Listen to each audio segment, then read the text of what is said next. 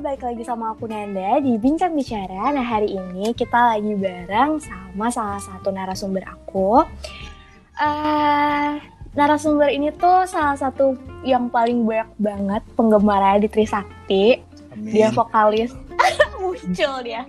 Dia vokalis terkaya Trisakti. Amin. Ini- Amin. Oke, ini adalah Bang Sofwan Idri. Hai, assalamualaikum warahmatullahi wabarakatuh. Waalaikumsalam warahmatullahi wabarakatuh. Eh, tapi Gim- salam salamnya nggak ada wibawa banget ya. gimana nih mau wibawa gimana gimana coba? Assalamualaikum warahmatullahi wabarakatuh. Kayak mau ngisi tausiah tapi. Udah eh, ya assalamualaikum akhi. Jadi gimana? Iya, Ukti. Oke oke, back to the topic nih. Oke. Eh, gimana nih sekarang kabarnya sehat? Alhamdulillahirobbilalamin. Ya, sehat lah. Kalau Nanda gimana nih kabarnya? Alhamdulillah baik. Alhamdulillah. gimana di sana? Di sini sejauh ini ya kayak yang teman-teman tahu juga lah kalau Aceh masih dalam eh, hitungannya zona hijau. Mm-mm. Jadi masih bisa dibilang kondusif lah dibandingkan Jakarta ya. Jakarta. Padahal kangen Jakarta banget ya. Parah. Harusnya minggu lalu tuh harusnya udah flight ke sana, tapi berhubung PSBB diperpanjang, jadi ya pending dulu lah.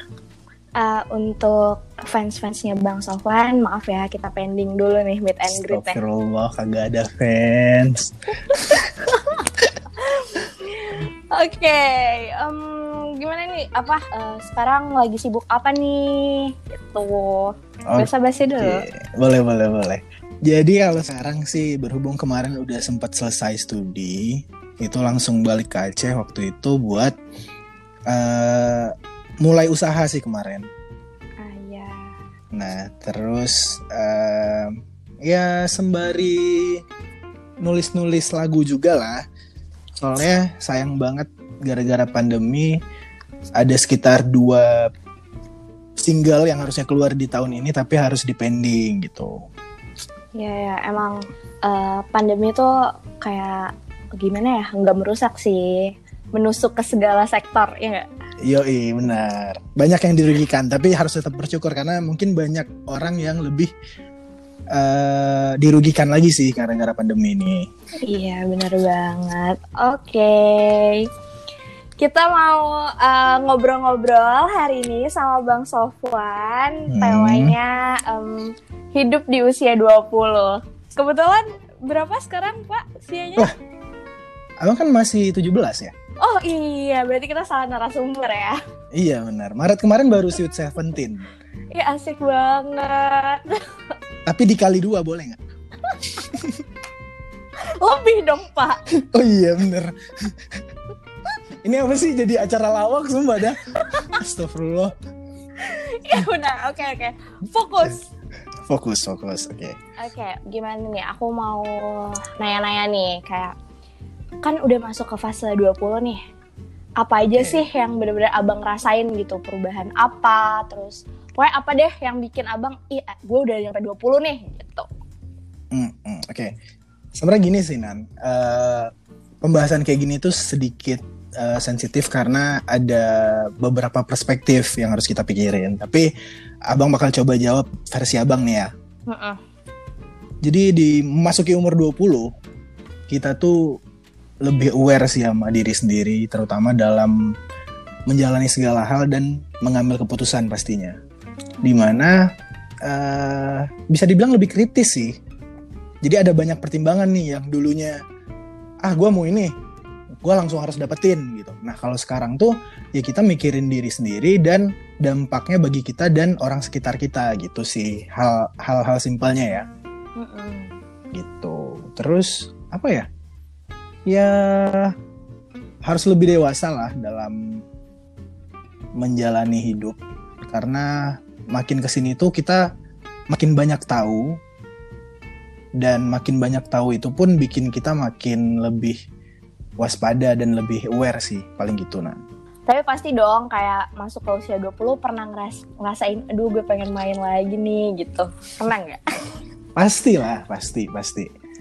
Eh, ada masa-masanya di mana ya dulu gua nggak mikirin nyari duit kan gitu tuh. Iya. Nah dulu gue main ya main. Gue mau keluar pagi pulang pagi juga ya udah gitu Mm-mm. tapi sekarang tuh lebih mikir ya ya gue kalau kayak gitu terus mau jadi apa ya gue nggak punya pegangan apa-apa paling kayak gitu sih kayak yang abang bilang di awal tadi kita lebih aware dan waspada lah sama yang kita lakukan lebih berhati-hati tepatnya Oh, hati-hati ya. Mm-mm. Nah, kalau ngomongin 20 tuh pasti banyak banget anak-anak di atas 20 mulai dapat pertanyaan kapan nikah. Uff. Benar Sering banget sekali. nggak sih? Banget, banget. Apalagi Nan, itu yang fase-fase orang baru selesai kuliah. Kayak abang kemarin nih, kan selesai tuh, selesai. Mm-mm. Itu emang, aduh, apalagi nih kemarin kan abang sel- selesai sekitar bulan Februari Maret lah. Ya, Dan itu di bulan 5 ada Lebaran Idul Fitri. Tahu Mm-mm. sendiri kan, saudara-saudara ke rumah silaturahmi. iya dong. Pertanyaan pertama basa-basi, oh udah selesai ya? Iya. Baru pertanyaan kedua, kapan? Hmm. Tapi itu tuh eh, merupakan pertanyaan krusial nggak sih kalau menurut abang? krusial krusial banget malah ya bisa dianggap sebagai bercandaan tapi beberapa pasti nanyanya serius karena ya mungkin kalau mereka tuh mikir udah fasenya kali ya tapi kalau bagi abang tuh ya pribadi orang tuh ya masing-masing kesiapannya itu beda-beda gitu sih Nah, iya bener banget. Pribadi orang masing-masing kesiapannya beda-beda. Yo, jadi nggak bisa Dari- disamaratakan. Misal eh, ada si A, dia nikah di umur 22 tahun dan lo umur 22 tahun harus nikah juga. Enggak sih, kalau menurut abang nggak kayak gitu. Jadi timeline masing-masing lah ya. Benar banget. Kayak orang-orang punya apa namanya waktu time stamp-nya mereka deh gitu. Ya. Benar. Eh, ada halang rintang gak nih? apa nih? Hal halang lintang apa nih? Halang rintang dalam hubungan percintaan atau mungkin kehidupan, persahabatan, apa gimana? Kenapa tiba-tiba ada percintaan ya di situ ya? Kayak- Gak apa-apa kan kita apa nih? kayaknya di briefingan nggak ada deh. Kan kita lagi ngomongin ini nih. eh nikah kan tadi. Ah, Dimasukin aja langsung. masuk, ma- ma- masuk, masuk, masuk, masuk. Boleh, boleh, boleh, boleh, boleh, boleh. Bridge-nya dapat ya? Dapat Bridging-nya dong. Iya, iya, boleh, boleh. Jadi mau dijawab dari yang apa dulu nih? Yang mana dulu? Eh, kita ngomongin percintaan dulu, ntar baru mulai merembet ke friendship, hidup dan sebagainya. Oke. Dari percintaan nih Nan ya. Mm-mm. Kalau abang pribadi sih yang umur sekarang ini di atas 20 tahun bukan lagi bagi abang nih bagi abang ya.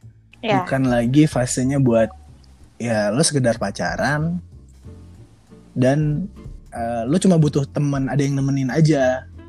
Jadi kayak ya lo biar nggak pengen kosong doang gitu ngerti gak sih? ngerti ngerti Nah, ngerti. Jadi bukan lagi di fase itu, udah di fase kayak ya lo butuh seseorang yang bisa support lo di kala lo susah dan di kala lo senang pastinya. Terus eh bukan lagi yang ah paling gua sama dia nih setahun dua tahun tahannya. Tapi kita tuh udah ya nggak usah muluk-muluk lah, kita pacaran nih tiba-tiba di fase ini pasti walaupun baru satu bulan dua bulan pasti prospeknya itu udah mikirnya wah kita nih nikah ntar kayak gimana ya? Kira-kira apa yang harus dilakuin ya? Apa yang harus dipilah ya? Udah kayak gitu sih walaupun ya mungkin paling berapa bulan paling berapa tahun tapi emang sudut pandang kita pun tentang si percintaan ini tuh udah beda udah lebih kritis sih. Nggak sekedar buat main-main lagi gitu Oke. gitu. Tapi beda lah ya sama pikiran-pikiran eh, yang, aduh, eh, baru berapa bulan udah aku nggak mau ditinggalin gitu. hah? Apa tuh? Ini apa nih? Apa nih? Kayak kayak yang berapa bulan, baru berapa bulan, terus ini kan kayak kebanyakan ya kasus-kasusnya eh, kasus gila berat banget bahasanya. ya nggak apa-apa kasus. Kasus-kasusnya kayak misalnya eh SMA, SMP udah kayak bilang kamu jangan ninggalin aku ya gitu-gitu gitu. Mm-mm. Menurut menurut abang eh itu bakal relate nggak sih sama mereka nanti di umur 20? Oke, balik lagi. Abang tuh orang yang paling menghargai perspektif. Jadi ya nggak bisa ngecap bahwa percintaan yang berhasil itu anak umur 20 tahun ke atas. Nah, sementara 20 tahun ke bawah ya lo masih main-main, ya lo tuh masih belum tahu apa-apa tentang hidup cuy, tentang percintaan lo belum tahu apa-apa, lo masih anak kemarin, nggak usah bahas nikah lah. Nah, kalau abang tuh nggak, justru kita nggak bisa ngejamin nan, uh, karena tua itu pasti ya, tapi dewasa itu pilihan. Jadi Ih, gila, ada banget. Waduh, ada um, anak umur 20 tahun ke bawah pun mana tahu pemikirannya lebih dewasa daripada yang 20 tahun ke atas. Mungkin case-case-nya Nanda dapatlah di real life sehari-hari. Mungkin ada yang udah 20 tahun ke atas bahkan 30 tapi pemikirannya kok masih childish banget gitu. Yeah. Nah, itu juga bisa kita terapin di kalau Nanda tanya masalah percintaan ini. Jadi ya kita nggak bisa langsung ngejudge perspektif dia tuh seperti apa. Yang mana tahu emang dia lebih dewasa dari kita. Hubungan mereka berdua dengan pacarnya itu lebih uh, dapat memecahkan masalah bersama daripada memutuskan hubungan. Ya kita nggak ada yang tahu sih.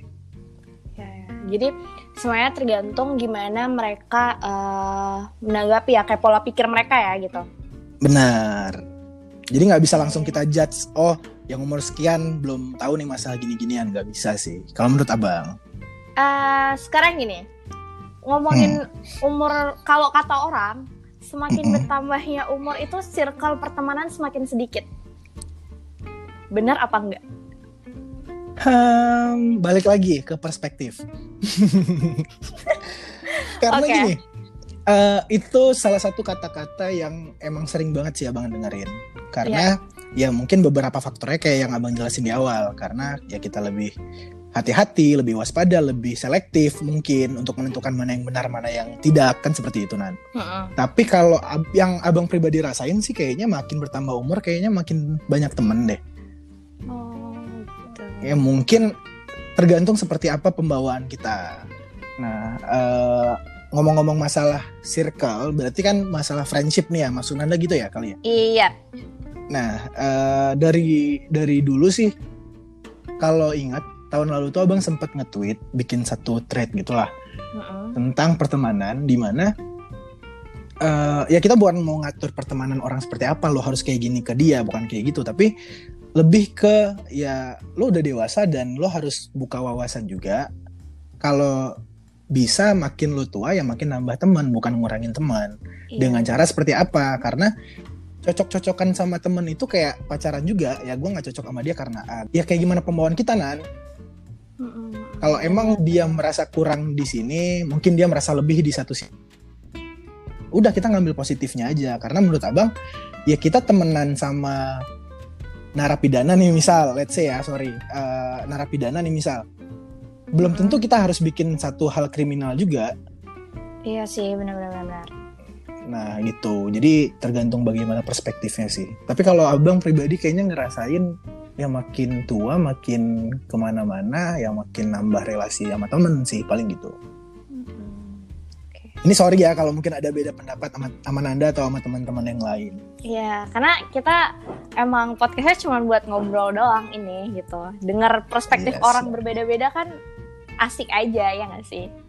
Iya benar. Jadi uh, mungkin menjadi fase kita dalam menentukan perspektif juga nantinya. Hmm, hmm. Oh ternyata gue benar nih selama ini. Uh, ya udah gue lanjut. Oh ternyata gue salah nih selama ini. Ya udah mana yang bisa kita pilih gitu sih paling. Ambil yang baik uh, buang yang buruk ya pokoknya di podcast ini teman-teman. Jangan yang buruk jangan dibuang oh. dipelajari. Nah, kenapa iya. bisa jadi buruk gitu? Salah omong. Enggak enggak salah. Oke okay. harusnya tuh kemarin kita bikin Q&A gitu ya di Instagram. Benar jadi mana tahu ada pertanyaan dari teman-teman kan? Mm -mm. apalagi pertanyaan untuk Bang Sofan. Nggak mungkin ada ya kita bahas tentang pelajaran hidup. Pelajaran hidup, oke. Okay. Berapa SKS?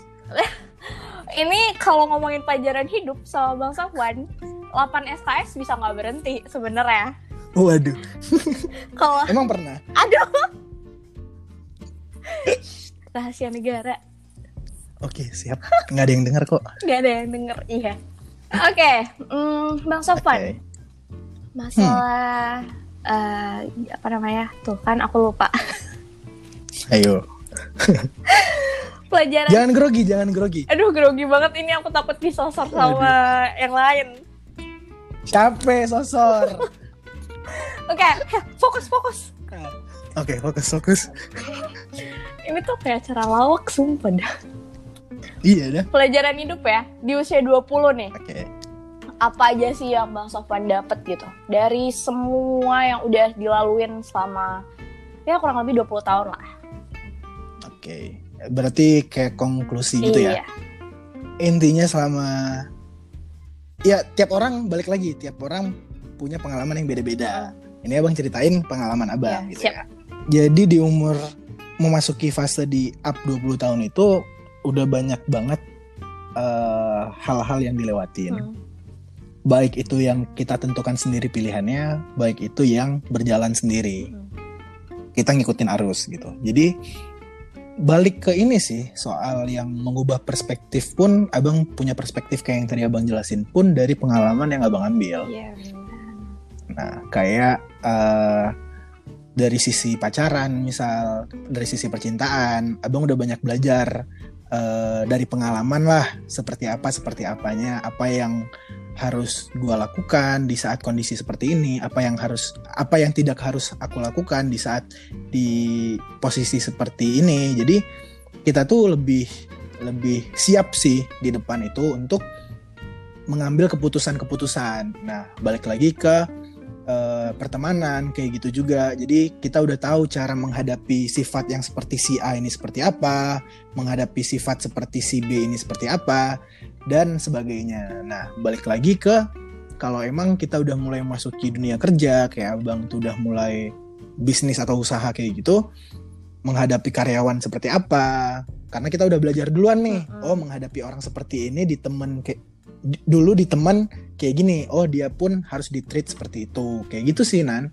Jadi kayak lebih banyak hal yang sudah pernah kita lalui menjadikan itu sebagai pengalaman even itu benar ataupun salah sehingga di ke depannya ini di saat kita menentukan satu pilihan atau kita berjalan kita udah tahu kira-kira sudah bisa memprediksi lah seperti apa yang bakal kita lewati itu sih gitu.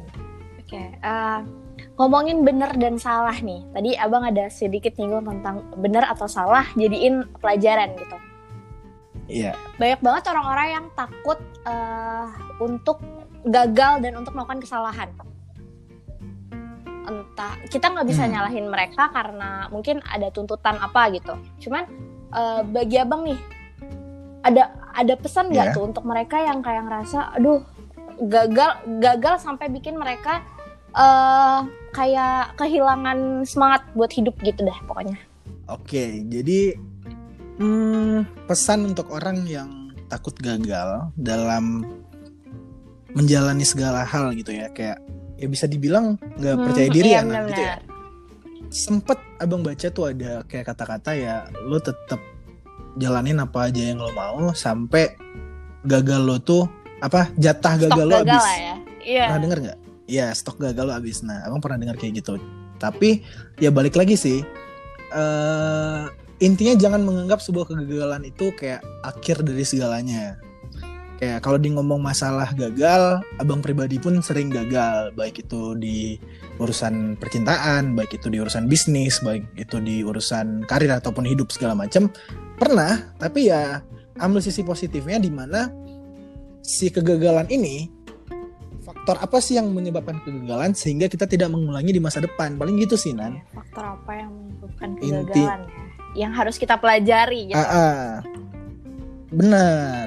Jadi sehingga di ke depannya nggak kejadian lagi. Let's say gini deh eh, analoginya lo jalan di jalan A.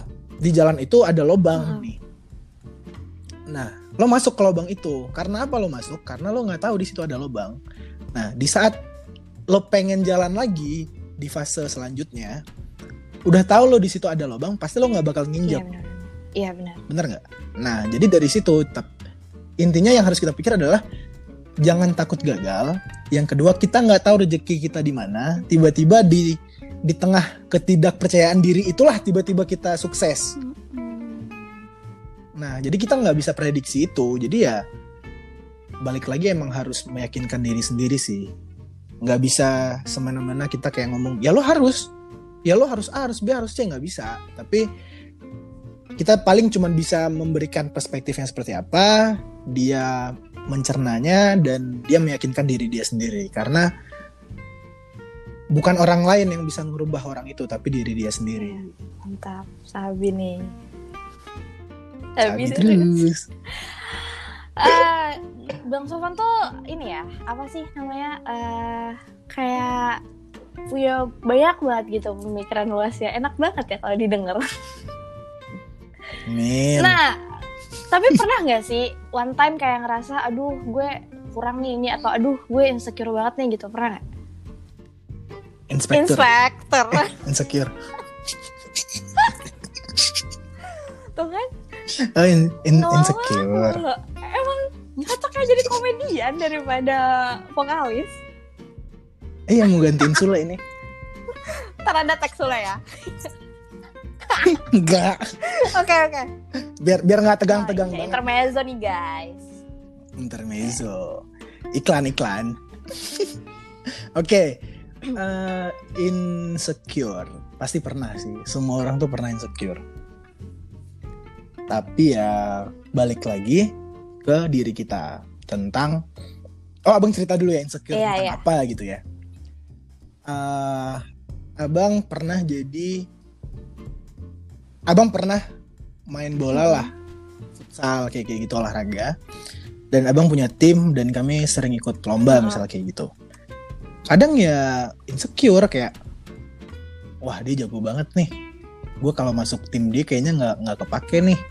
Mending gue nggak usah main aja lah Eh, atau kita udah di dalam permainan itu gara-gara ada dia insecure itu sendiri yang menghancurkan kita kayak gue yang awalnya bisa main bagus gara-gara gue insecure jadinya gue main jelek ya kita jadinya grogi Benar benar benar benar.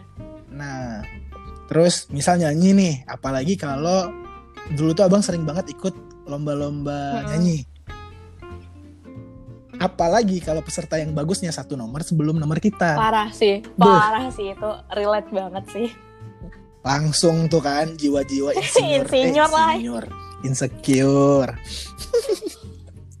jiwa-jiwa insecure Iya keluar. sih. Wah gila nih orang.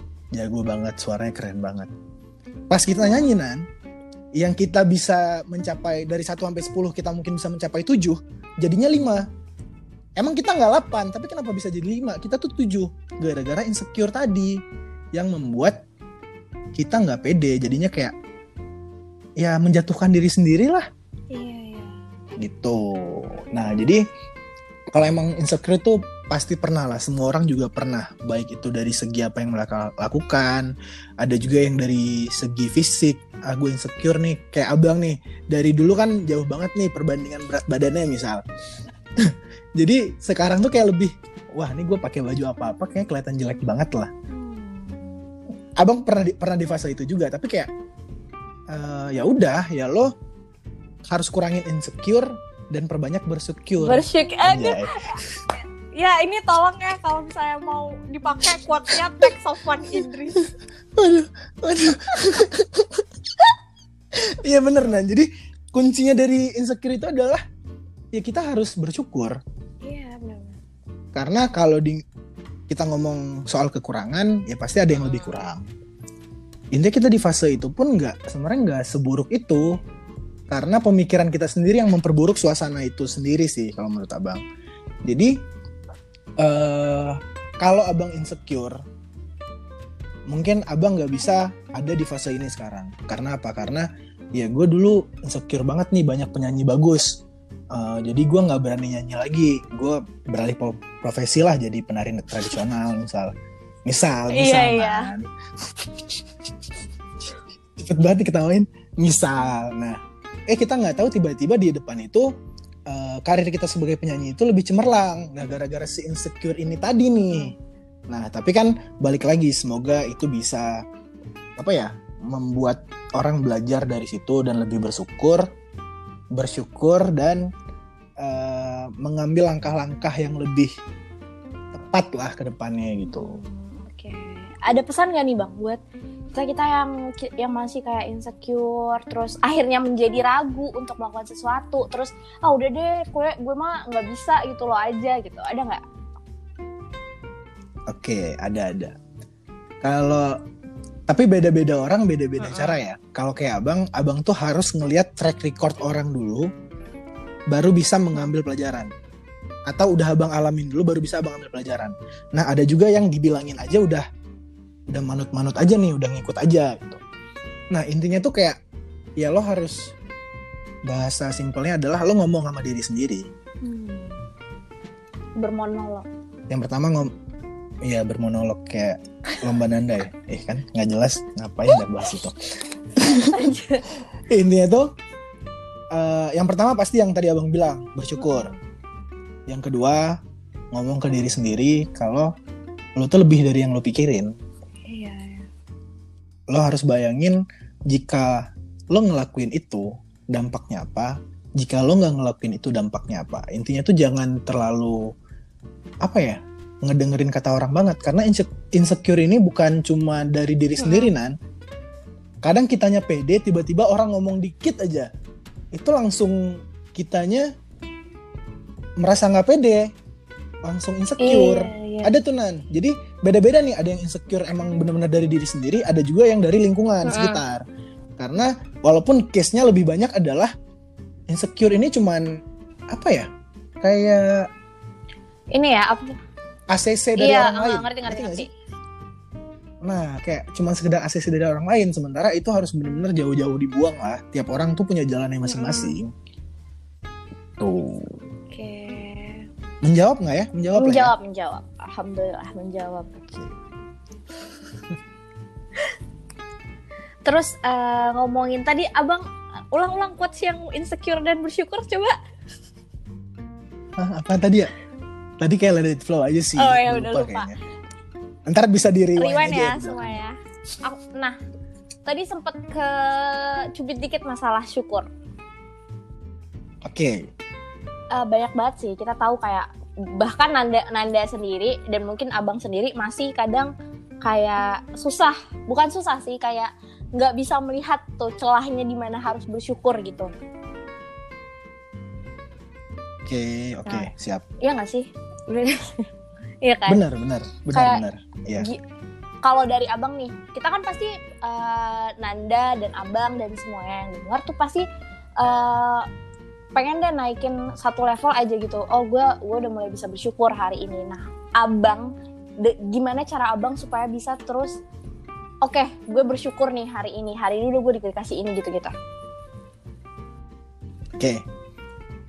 Kalau abang pribadi, caranya eh ngelihat dulu kita udah ada di titik mana, dan kita rewind, kita dulu tuh seperti apa sih, dan bisa ada di titik ini tuh seperti apa dan kayak gimana sih perjalanannya. Setelah kita ingat perjalanannya, setelah kita ingat apa aja yang kita lewat lewati atau kita lalui, kita akan menghargai proses itu iya Nan. ya hargai proses kita menghargai proses itu di mana nantinya kita akan bersyukur atas apa yang kita peroleh di titik ini. Bahkan bisa dengan cara lain yaitu ya lo ngelihat lebih deket orang-orang yang nggak pernah lo lihat. iya Ada banyak orang yang jauh dari kata eh, sejahtera lah mungkin. Dan kita masih ngeluh lebih dari mereka yang lebih tidak sejahtera itu. Jadi tuh kayak malu-maluin diri sendiri banget sih Nan. kalau menurut abang. Nah, mungkin hal-hal itu yang bisa membangun rasa bersyukur kita tuh lebih tinggi gitu. Jadi eh, nggak nggak nggak mulu nggak harus kita ngelihat ke bawah ya istilahnya gitu. Maksudnya Iya, bukan bukan satu-satunya uh-uh, cara gitu. lah. Berarti lihat lagi nih lo lo yang dulu tuh gimana gitu. Bener sih. Terus eh, di masa 20 tahun pendewasaan diri gimana?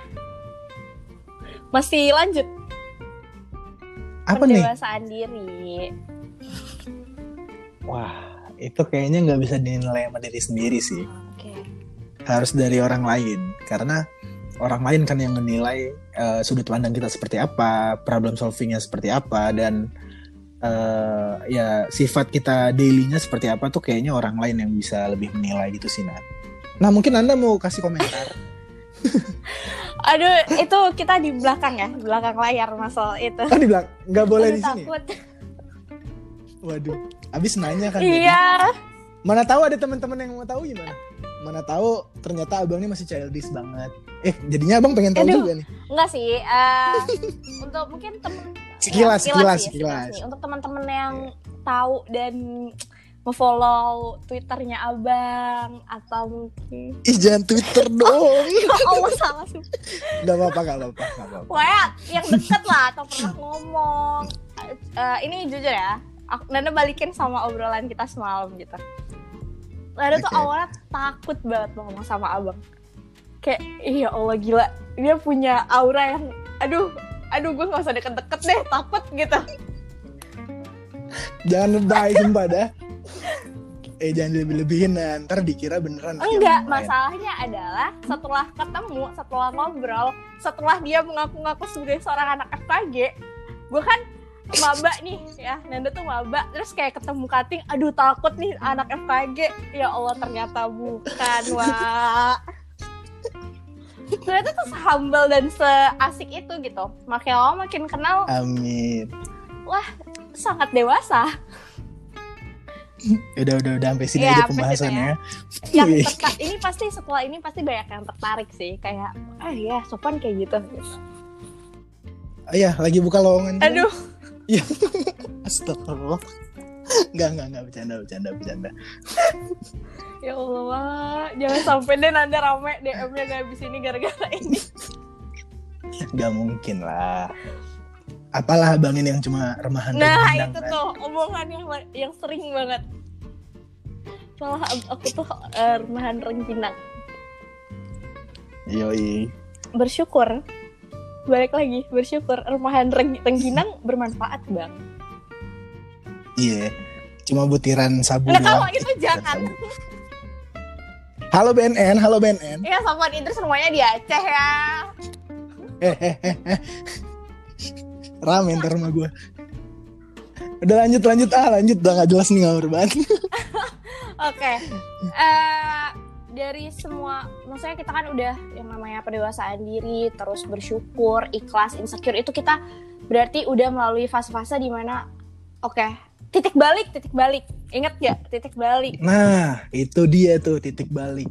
Nah, Bang Sofwan. Pasti dong kayak eh, ngomongin bersyukur dan segala pelajaran hidup sebelumnya nih. Sebelum sebelum maksudnya sebelum umur 20 gitu. Ba Nanda pernah dengar gini nih. Sebelum lo umur 20 berapa gitu. Banyak-banyakin nakal deh supaya bisa belajar dari kehidupan. Iya apa enggak? Hmm. Abang pernah denger sih eh, apa kata-kata kayak gitu, tapi kayaknya nakal bukan solusi untuk belajar sih. Tapi bukan berarti lo nggak boleh nakal. Eh nakal emang nggak boleh ya? Apa gimana ya? Eh? Kayak inti inti gini inti gini inti gini. Eh, emang ada yang bilang ya udah lo nakal dulu aja sekarang biar nanti pas tua lo udah nggak nakal lagi, nakal lo udah habis. Mm-mm. Daripada lo sekarang baik-baik dan tiba-tiba udah nikah atau udah punya komitmen lah atau apa, lo baru nakal. Lo Hmm. apa nakalnya telat. Ada sih yang ngomong kayak gitu. Tapi kalau abang kalau untuk belajar sih kayaknya yang bukan dari nakal sih. Ya nakal ya satu hal yang lo lakuin di saat lo tuh batasannya belum seketat sekarang aja sih kalau menurut abang kayak gitu. Jadi tiap orang tuh pasti ada fase nakalnya lah. Dan yang kedua eh, parameter nakal orang tuh juga beda-beda Iya yang banget sih. ketiga bukan berarti lo nggak nakal lo nggak keren atau nggak nakal lo nggak banyak belajar nggak juga sih itu nggak bisa jadi satu landasan ya jadi tergantung lagi ke perspektif orang Kayak ada yang bilang main lo kurang jauh nih gitu. iya pulang lo kurang malam Enak, udah Iya. baru menyambung itu. Banyak tuh yang ngomong gitu Padahal pulangnya udah nggak malam ya. iya pagi kan kayak biasa Iya, iya iya, kayak iya. Iya. Astagfirullah. Bener, ya Allah bener-bener. Emang kalau ngomongin nakal tuh pasti perspektif orang beda-beda gitu. benar karena apa parameter nakal orang juga beda-beda. Ada yang di gua eh gini gini ya, gini eh, analogi ya. Ada Mm-mm. bagi si A mabok-mabokan itu nakal banget. Iya. Ada. Bagi si B, ya mabok-mabokan mah nggak nakal anjir gitu. Jadi Iya. perspektif orang dan parameter nakal orang tuh emang beda-beda. Dan lo nggak bisa, berarti secara kalau misalnya Nanda ya, Hmm. berarti lo nggak lo nggak bisa dong, maksudnya mengukur, eh, ih dia nakal banget gitu. Iya nggak sih? Iya benar. Jadi eh ya balik lagi kita memandangnya itu seperti apa dan kita ngejalaninnya kayak gimana gitu sih. Oke, sesuai kepercayaan masing-masing. Iya. Balik ke di awal banget soal perspektif. Iya, jangan lupa di rewind. Anjay. Iya kan nggak boleh ngomong anjay ya. Astagfirullah. Iya halo. Wah ada Mabes Polri nih depan rumah. Aduh, aduh ya Allah, abang gimana ini? Hati-hati ada kijang satu, kijang satu ya. Abang tukang bakso dong. Iya, aku bang tukang bakso. Mari mari sini. Udah next. Nggak jelas kan makin nggak jelas. Ah, tadi ada sedikit nyentil masalah komitmen. Nanda nih dengar mulu ya. Iya. Sedikit sentil ambil. Ambil. Yang jangan ngambil punya orang. Iya. Ya, ya, ya. Astagfirullah. Udah. Oke, kenapa nih masalah Hati-hati komitmen? nih kena lagi nih. Jangan ngambil punya orang. Ntar Nanda singgung lagi. Ntar Nanda ini nih. Nanda omongin panjangin nih omongannya. Emang pernah ngambil punya orang, Nan? Ayo. Astagfirullahaladzim. Gua yang kena. Ya kan kalau abang emang nggak pernah. Oh iya, bagus. Pernahnya punya abang diambil. Iya. Ya. Next. Nah, oke. Thank you. Gila nih. Lanjut. Komitmen nih, Bang. Abang Oke. tadi ngomongin masalah komitmen. Mm-mm. Enggak ngomongin sih, nyentil dikit lah masalah komitmen. Dikit. So, Eh, siap nggak sih? Maksudnya, eh, apakah sudah memantaskan hati aja, memantaskan hati? Kayak yang kemarin viral. oh iya benar. Mm, Maksudnya udah udah siap belum untuk berkomitmen gitu? Dalam hal Aduh, Aduh. dalam hal Aduh, banyak ini kalau misalnya ngomongin dalam hal nih. Oke, secara general lah ya. Secara Iya, umum general aja. ya. Eh, insya Allah untuk sekarang sih udah. Udah di fase ya gue siap berkomitmen. Ya gue udah di fase itu dan gue bukan lagi di fase sekedar main-main dan ngelakuin hal-hal yang mungkin nggak punya efek apa pun ke depannya. Jadi gue tahu sekarang apa yang gue lakuin dan gue tahu ini akan berdampak mau itu jangka pendek atau jangka panjang. Jadi ya udah saatnya lah kita berkomitmen baik dalam hal se- dan segi apa pun ya nan. Mau dari segi kehidupan percintaan karir dan segala macamnya kita emang harus sudah di fase komitmen. Tapi itu balik lagi itu abang. Beda sama orang lain. Mana tahu masih ada yang mau main. Oh gue tanggal 25 apa? Gue di umur 25 nih. Salah Uh-uh. sorry. Di umur 25 nih gue baru mau komitmen kayak kayak gitu. Ya udah itu your choice. Jadi terserah gitulah. Kita di sini memaparkan perspektif ya. ya benar. Kalau misalnya ya balik lagi timestamp orang beda-beda. Ya dan poinnya adalah eh gue bukan Tuhan yang pasti benar kan enggak kayak gitu ini ki- ya sharing perspektif gue tuh seperti apa sih gitu Ya, bener banget nih, bener banget. Oke. Kalau Hmm. berkomitmen udah, berarti eh, sekarang gini. Usia 20 tuh kayak yang tadi Nanda sempat singgung insecure, pasti eh, pernah ngerasa kayak aduh eh, gue butuh penyemangat. Support system kan yang tadi Abang ada omongin dikit gitu. ah Support system kayak gitu-gitu. Nah, apa sih yang bikin Abang sampai ada di eh titik ini gitu maksudnya eh sebagai seorang pebisnis ya boleh dong diceritain gimana nih supaya ngebagi waktu dulu ya antara manggung kuliah terus bisa-bisanya juga ikut eh, apa aktif banget di Presma nongkrong tiap malam di USB gitu. Gimana tuh? Ah ini pertanyaan sejuta umat nih. Nah. Eksklusif nggak? Eksklusif sih eksklusif nih. Asik. pertama kali dijawab secara masif ya. Iya. Eh, caranya. Mm. intinya tuh emang ada hal yang harus kita prioritaskan. Sehingga kita untuk mencapai sesuatu kita tuh harus selalu ada yang kita prioritasin Dengan catatan tuh gini intinya dalam melewati itu terkhusus nih di Nanda bahas itu masalah selama perkuliahan abang kan Iya. Eh, prioritas abang waktu itu datang ke Jakarta Mm. abang kan dari daerah nih dari Aceh jauh banget lah ke Jakarta itu Iya. tidak lain dan tidak bukan adalah untuk kuliah waktu itu. Oke. Jadi ya prioritas utama gue kuliah. Mau apa pun yang gue lakukan di luar itu, gue nggak boleh mengganggu kuliah gue. Hmm. Karena ya mungkin gue nggak bakal bisa ngelakuin banyak hal kayak manggung, kayak ada kerjaan di sana. Kalau bukan karena gue kuliah di sini, ya mungkin gue masih di Aceh kali. Gitu. Nah, jadi eh, setelah kita menentukan prioritas dan kita menentukan skala prioritas bagi semua kegiatan yang kita lakukan, di situ insya Allah mulai ini sih, mulai rapi. Intinya tuh kayak manajemen diri sih Nan. Jadi Ah, kita tahu manajemen mana yang, ha- ya benar. Jadi kita tahu mana yang harus kita dahulukan dan mana yang harus kita nantiin dulu gitu. Nah, jadi bukan dikit ya. eh lumayan juga ada ada beberapa hal yang emang benar-benar abang korbanin.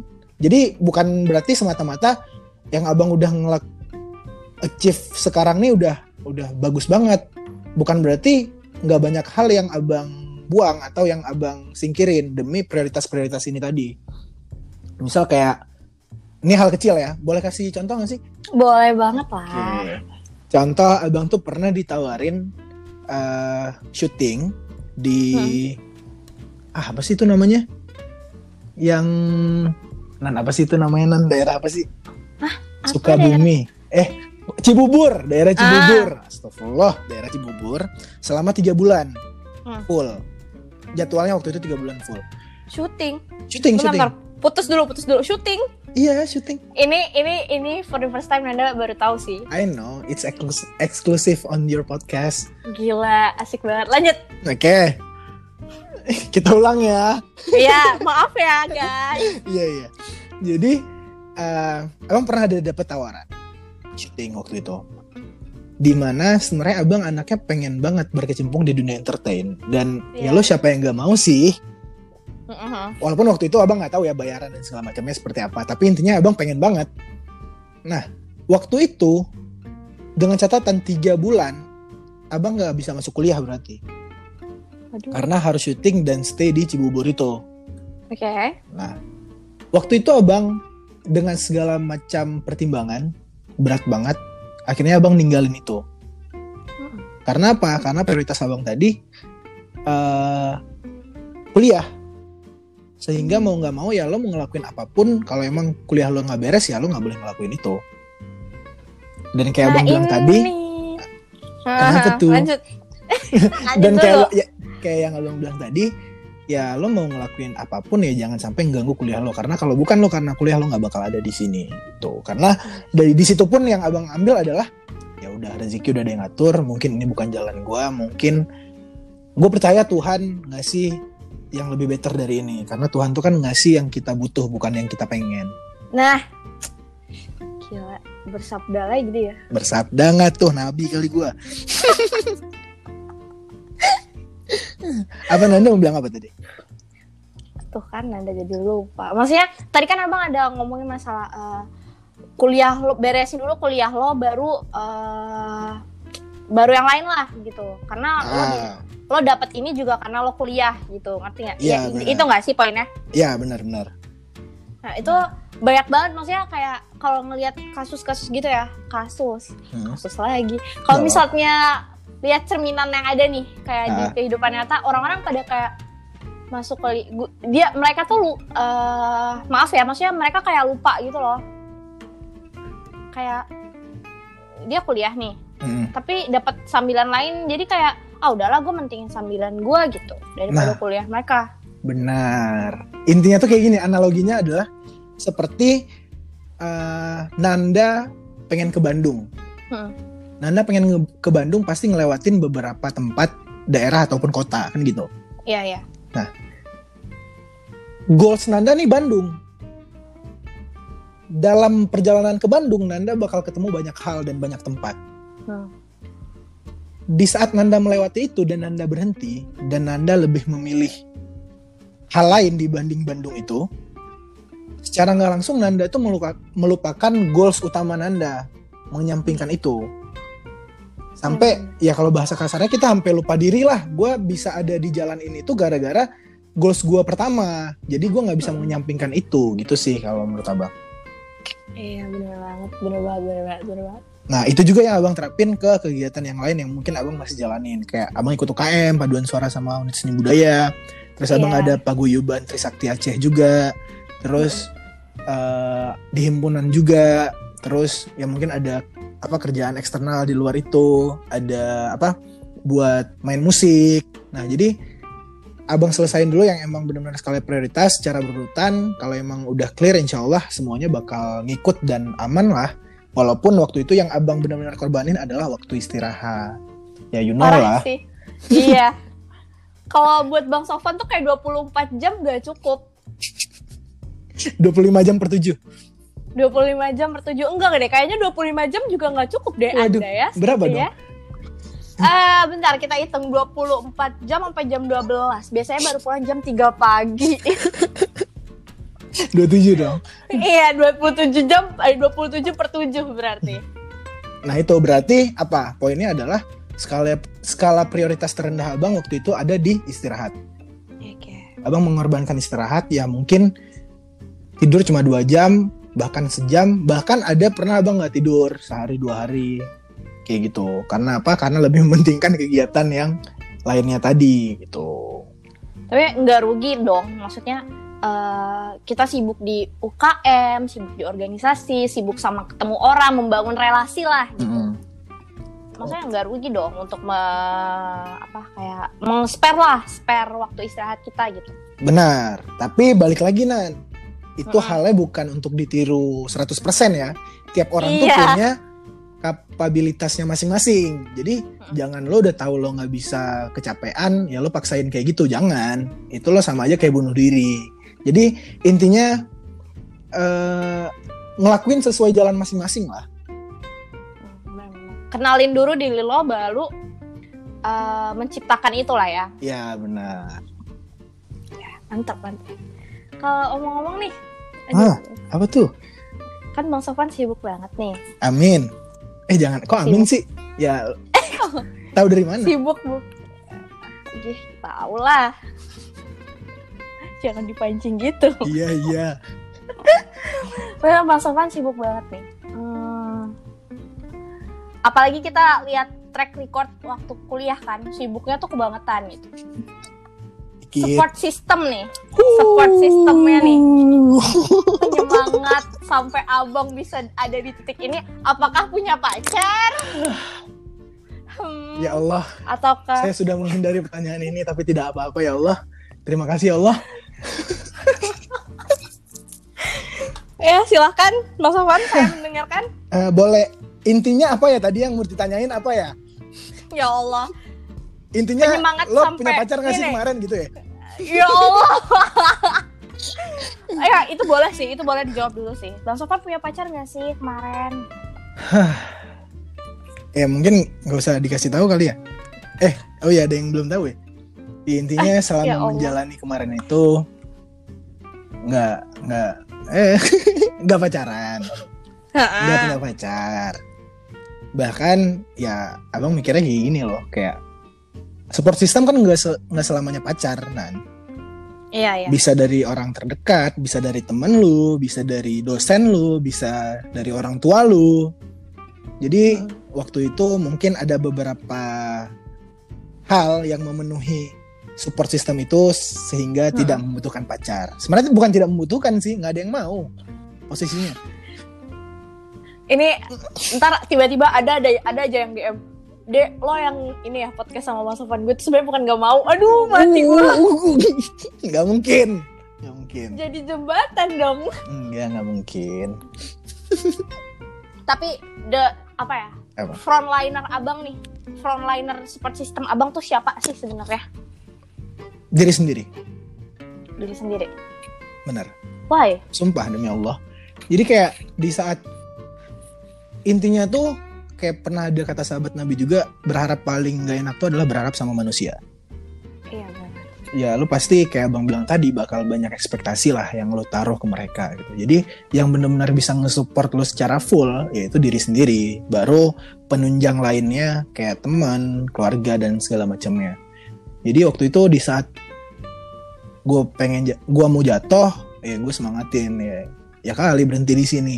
Di saat gue merasa gagal, terus udah diem doang, nggak coba perbaiki ataupun try something new gitu. Nah paling kayak kayak gitu sih Nan. Jadi ya bisa ada di titik ini pun harus berterima kasih banyak sama diri sendiri sih. Karena orang eh, bagi Nanda juga, maksudnya Nanda ngelihat juga gitu banyak banget orang yang jahat sama dirinya sendiri.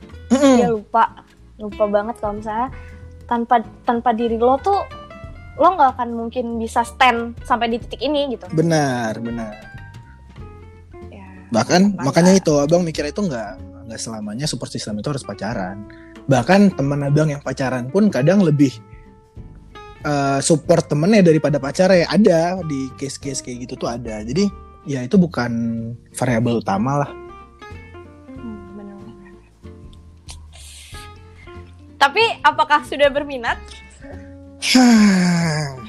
Harusnya tanya ke kaum kaum hawa nih, ada yang minat nggak? Aduh, Astagfirullah. Iya kan, kan bener nan. Percuma Iya, kalau kita nyamang orang yang nggak mau kan gitu. tapi kan ini ya, ini juga kemungkinan mungkin ada yang penasaran gitu atau ada yang timbul pertanyaan di dalam dirinya gitu.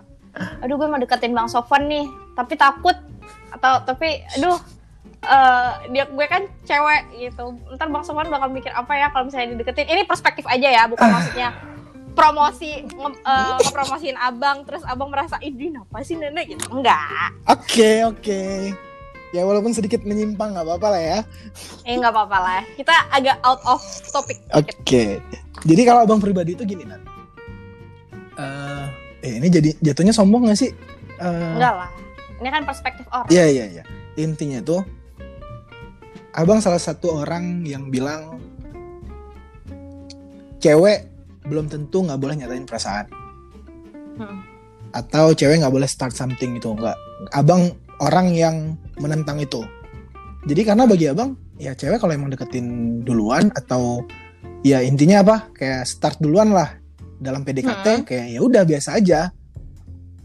Karena tiap orang punya hak masing-masing dong untuk melakukan itu dan atas nama cinta yang mereka rasakan, atas nama sayang yang mereka rasakan, itu ya hak mereka dan bagaimana cara mereka mengekspresikannya itu balik lagi ke seperti apa yang mereka mau. Jadi jangan dikotak-kotakin, ah cewek nggak boleh nih mulai duluan, ah lo cewek anjir ngapain lo deketin dia duluan, biar dia dulu kode-kode Hmm. aja, itu nggak kayak gitu konsepnya. Kalau bagi abang, balik lagi ya Oke. perspektif abang, karena Hmm. abang pernah ada di fase itu, di fase cewek yang jalan duluan, maksudnya yang gerak duluan dan Mm-mm.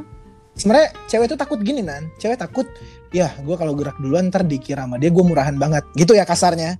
Bener nggak Iya, sih? kasarnya. cewek gitu kan mikirnya? Em, iya sih sebenarnya. nah, iya. Nggak bisa dipungkiri. Nah abang orang yang sumpah demi Tuhan enggak mikirnya kayak gitu. Jadi kalau emang ada yang deketin duluan cewek itu ya kita appreciate keberanian dia dan niatan dia bukan berarti begitu dia deketin gue ya anjir nih cewek murahan banget mau deketin deketin gue nggak kayak gitu makanya itu sih yang cewek harus tahu jadi jangan sampai eh, menutup dirinya nggak melakukan hal itu tapi abang nggak bisa menjamin juga ya semua orang kayak gitu semua Mm-mm. orang memiliki pandangan itu itu balik lagi ke ya terserah lo lah lo mau deketin siapa kan gitu Iya, iya benar-benar. Oke, Hmm. terakhir nih gila, ini durasi udah panjang banget nih, udah sampai out of topic. iya udah tiga hari nih Ya guys, kita recordnya udah tiga hari sih, Ah. soalnya susah nih mau berhenti. iya tapi yang penting berhenti di waktu yang tepat Ya Allah. Tapi kalau misalnya eh, datang di waktu yang salah juga enggak, enggak juga jangan kan? Eh, sebenarnya waktu nggak ada yang salah sih Oh iya. Itu ada yang assalamualaikum tuh Iya, salfok salfok lanjut lanjut. nggak apa-apa nggak apa-apa eh sebenarnya bukan waktunya yang salah, nah. Mm-mm. cuman belum waktunya. Oh. So kita harus ada momentumnya sih. Ha. Mau dianalogikan lagi nggak? Aduh ini master of analogi banget nggak apa-apa nggak apa-apa lanjut. Nggak apa-apa. Jadi eh, ada orang kita let's say umurnya sama ya 20 tahun. Mm-mm. Ada orang yang umur 30 tahun berhasil buka usaha. Ada orang umur 25 tahun berhasil buka usaha. Iya. Udah. Ada lagi orang yang berhasil buka usaha di umur 31 tahun. Nah, bukan parameternya kapan lo mulai, Hmm. kapan timestamp-nya, tapi momentum itu bakal ada sendiri, rezeki itu udah ada yang atur. Coba yang yang orang ketiga tadi yang berhasil buka usaha di umur 31, dia berhenti di umur 30. Mm-mm. Pasti dia nggak bakal dapet. Iya. Nah, jadi ya lo harus bikin dan cari momentum itu sendiri gitu. Oke. Gokil. Gokil banget sumpah. Kayak ini tuh podcast terlama Nanda ya lumayan. Oh iya, biasanya berapa sih paling lama? Biasanya tuh kalau eh, ngomongin sama Mbak Nindi kemarin kan Anda baru dua kali nih sama narasumber. Biasanya kan cuma bacain sajak Oh. doang. Mm-mm. Terakhir nih buat teman-teman semua pesan dari seorang Sofwan Idris.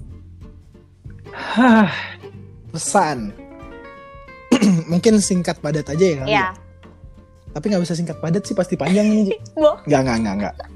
Coba coba di dikasih yang yang yang ada isinya aja lah ya. Iya. boleh. Intinya tuh eh, always be yourself. Mm-mm. Jangan berpikir dan terlalu mementingkan perspektif orang lain. Ya lo harus punya idealis sendiri lah. Bukan berarti lo harus menutup kuping, tapi yang bisa lo ambil ya lo ambil, yang harus lo buang ya lo buang. Mm.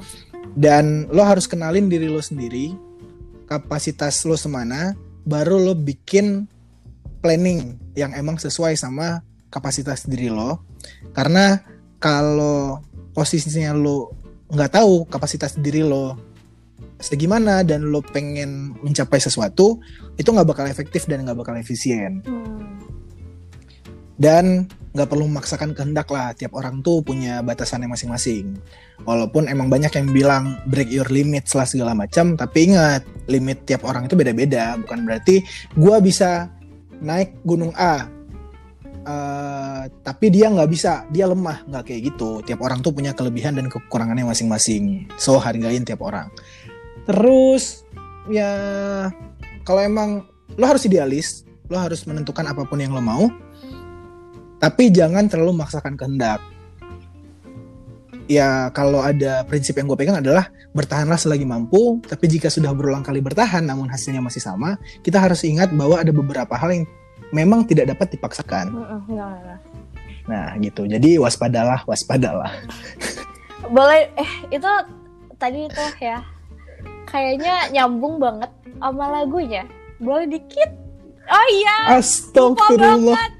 Guys, untuk kalian yang belum dengar, Bang Sofan tuh punya lagu, punya satu single. Kayaknya harusnya tiga ya, Harusnya. mungkin karena pandemi ya. Tapi kalian wajib banget, ini salah satu lagu yang Nanda denger tiap lagi galau. karena lagunya galau banget sih. Ini based on true story apa gimana nih? Oh, kenapa ditanyain pemirsa? Singkat, padat, jelas. Oke. Ya, intinya based on true story. My story tepatnya. Jadi, berarti satu sisi positifnya adalah eh Abang menyalurkan energi positif ke lagu itu. menyalurkan menulisnya dalam keadaan seperti apa dan itu tersampaikan kepada para listener gitu sih paling. Buat semuanya yang mau Gak usah ditanya kan masalah Oh, detailnya. Janganlah. Ya ya alhamdulillah. Udah. Next. Buat semua yang mau denger lagunya Abang, apa Bang? Bisa cek di Spotify atau iTunes. Semoga dalam beberapa hari, beberapa hari ini gue mau bikin official video lirik di YouTube. Di YouTube udah ada, tapi itu kayaknya punya orang yang masukin deh, gue nggak tahu. Itu bukan punya gue. Dalam waktu beberapa hari ini, gue pengen bikin official lirik video di YouTube. Karena banyak yang ngeluh kan Spotify sama iTunes harus uh, langganan. Iya. Jadi untuk sekarang kalian bisa cek di Spotify dan iTunes Sofwan Idris dengan judul Takkan Ada Lagi. Dikit dong, dikit dong. Hmm, oke. Okay. Takkan ada lagi kesempatan yang sama saat maaf tak lagi berharga takkan ada lagi kesempatan yang sama untuk apa bertahan jika bukan untuk bahagia Yoi. Yoi, that's all buat uh, podcast kali ini. Gila asik banget udah. Awal-awal, aduh, bikin grogi nih awal-awal nih narasumber yang ini nih. Ayo. So buat kalian semua yang udah dengerin podcast ini, thank you so much, thank you so much Bang Sofwan. Ya, makasih juga buat Nanda yang udah ngundang dan makasih buat listeners apalagi yang mungkin udah sampai di titik ini berarti mereka denger sampai habis. Iya. Thank you banget. Thank you banget ya semuanya. Jadi, terus jangan lupa juga nih buat follow Instagramnya Bang Sofwan at Sofwan Idris. Ntar anda tag di uh, postingan Instastory sama preview di IGTV. Oke. Okay. Sekian, terima kasih semuanya. See you on next podcast mungkin ya. Bye-bye. Bye.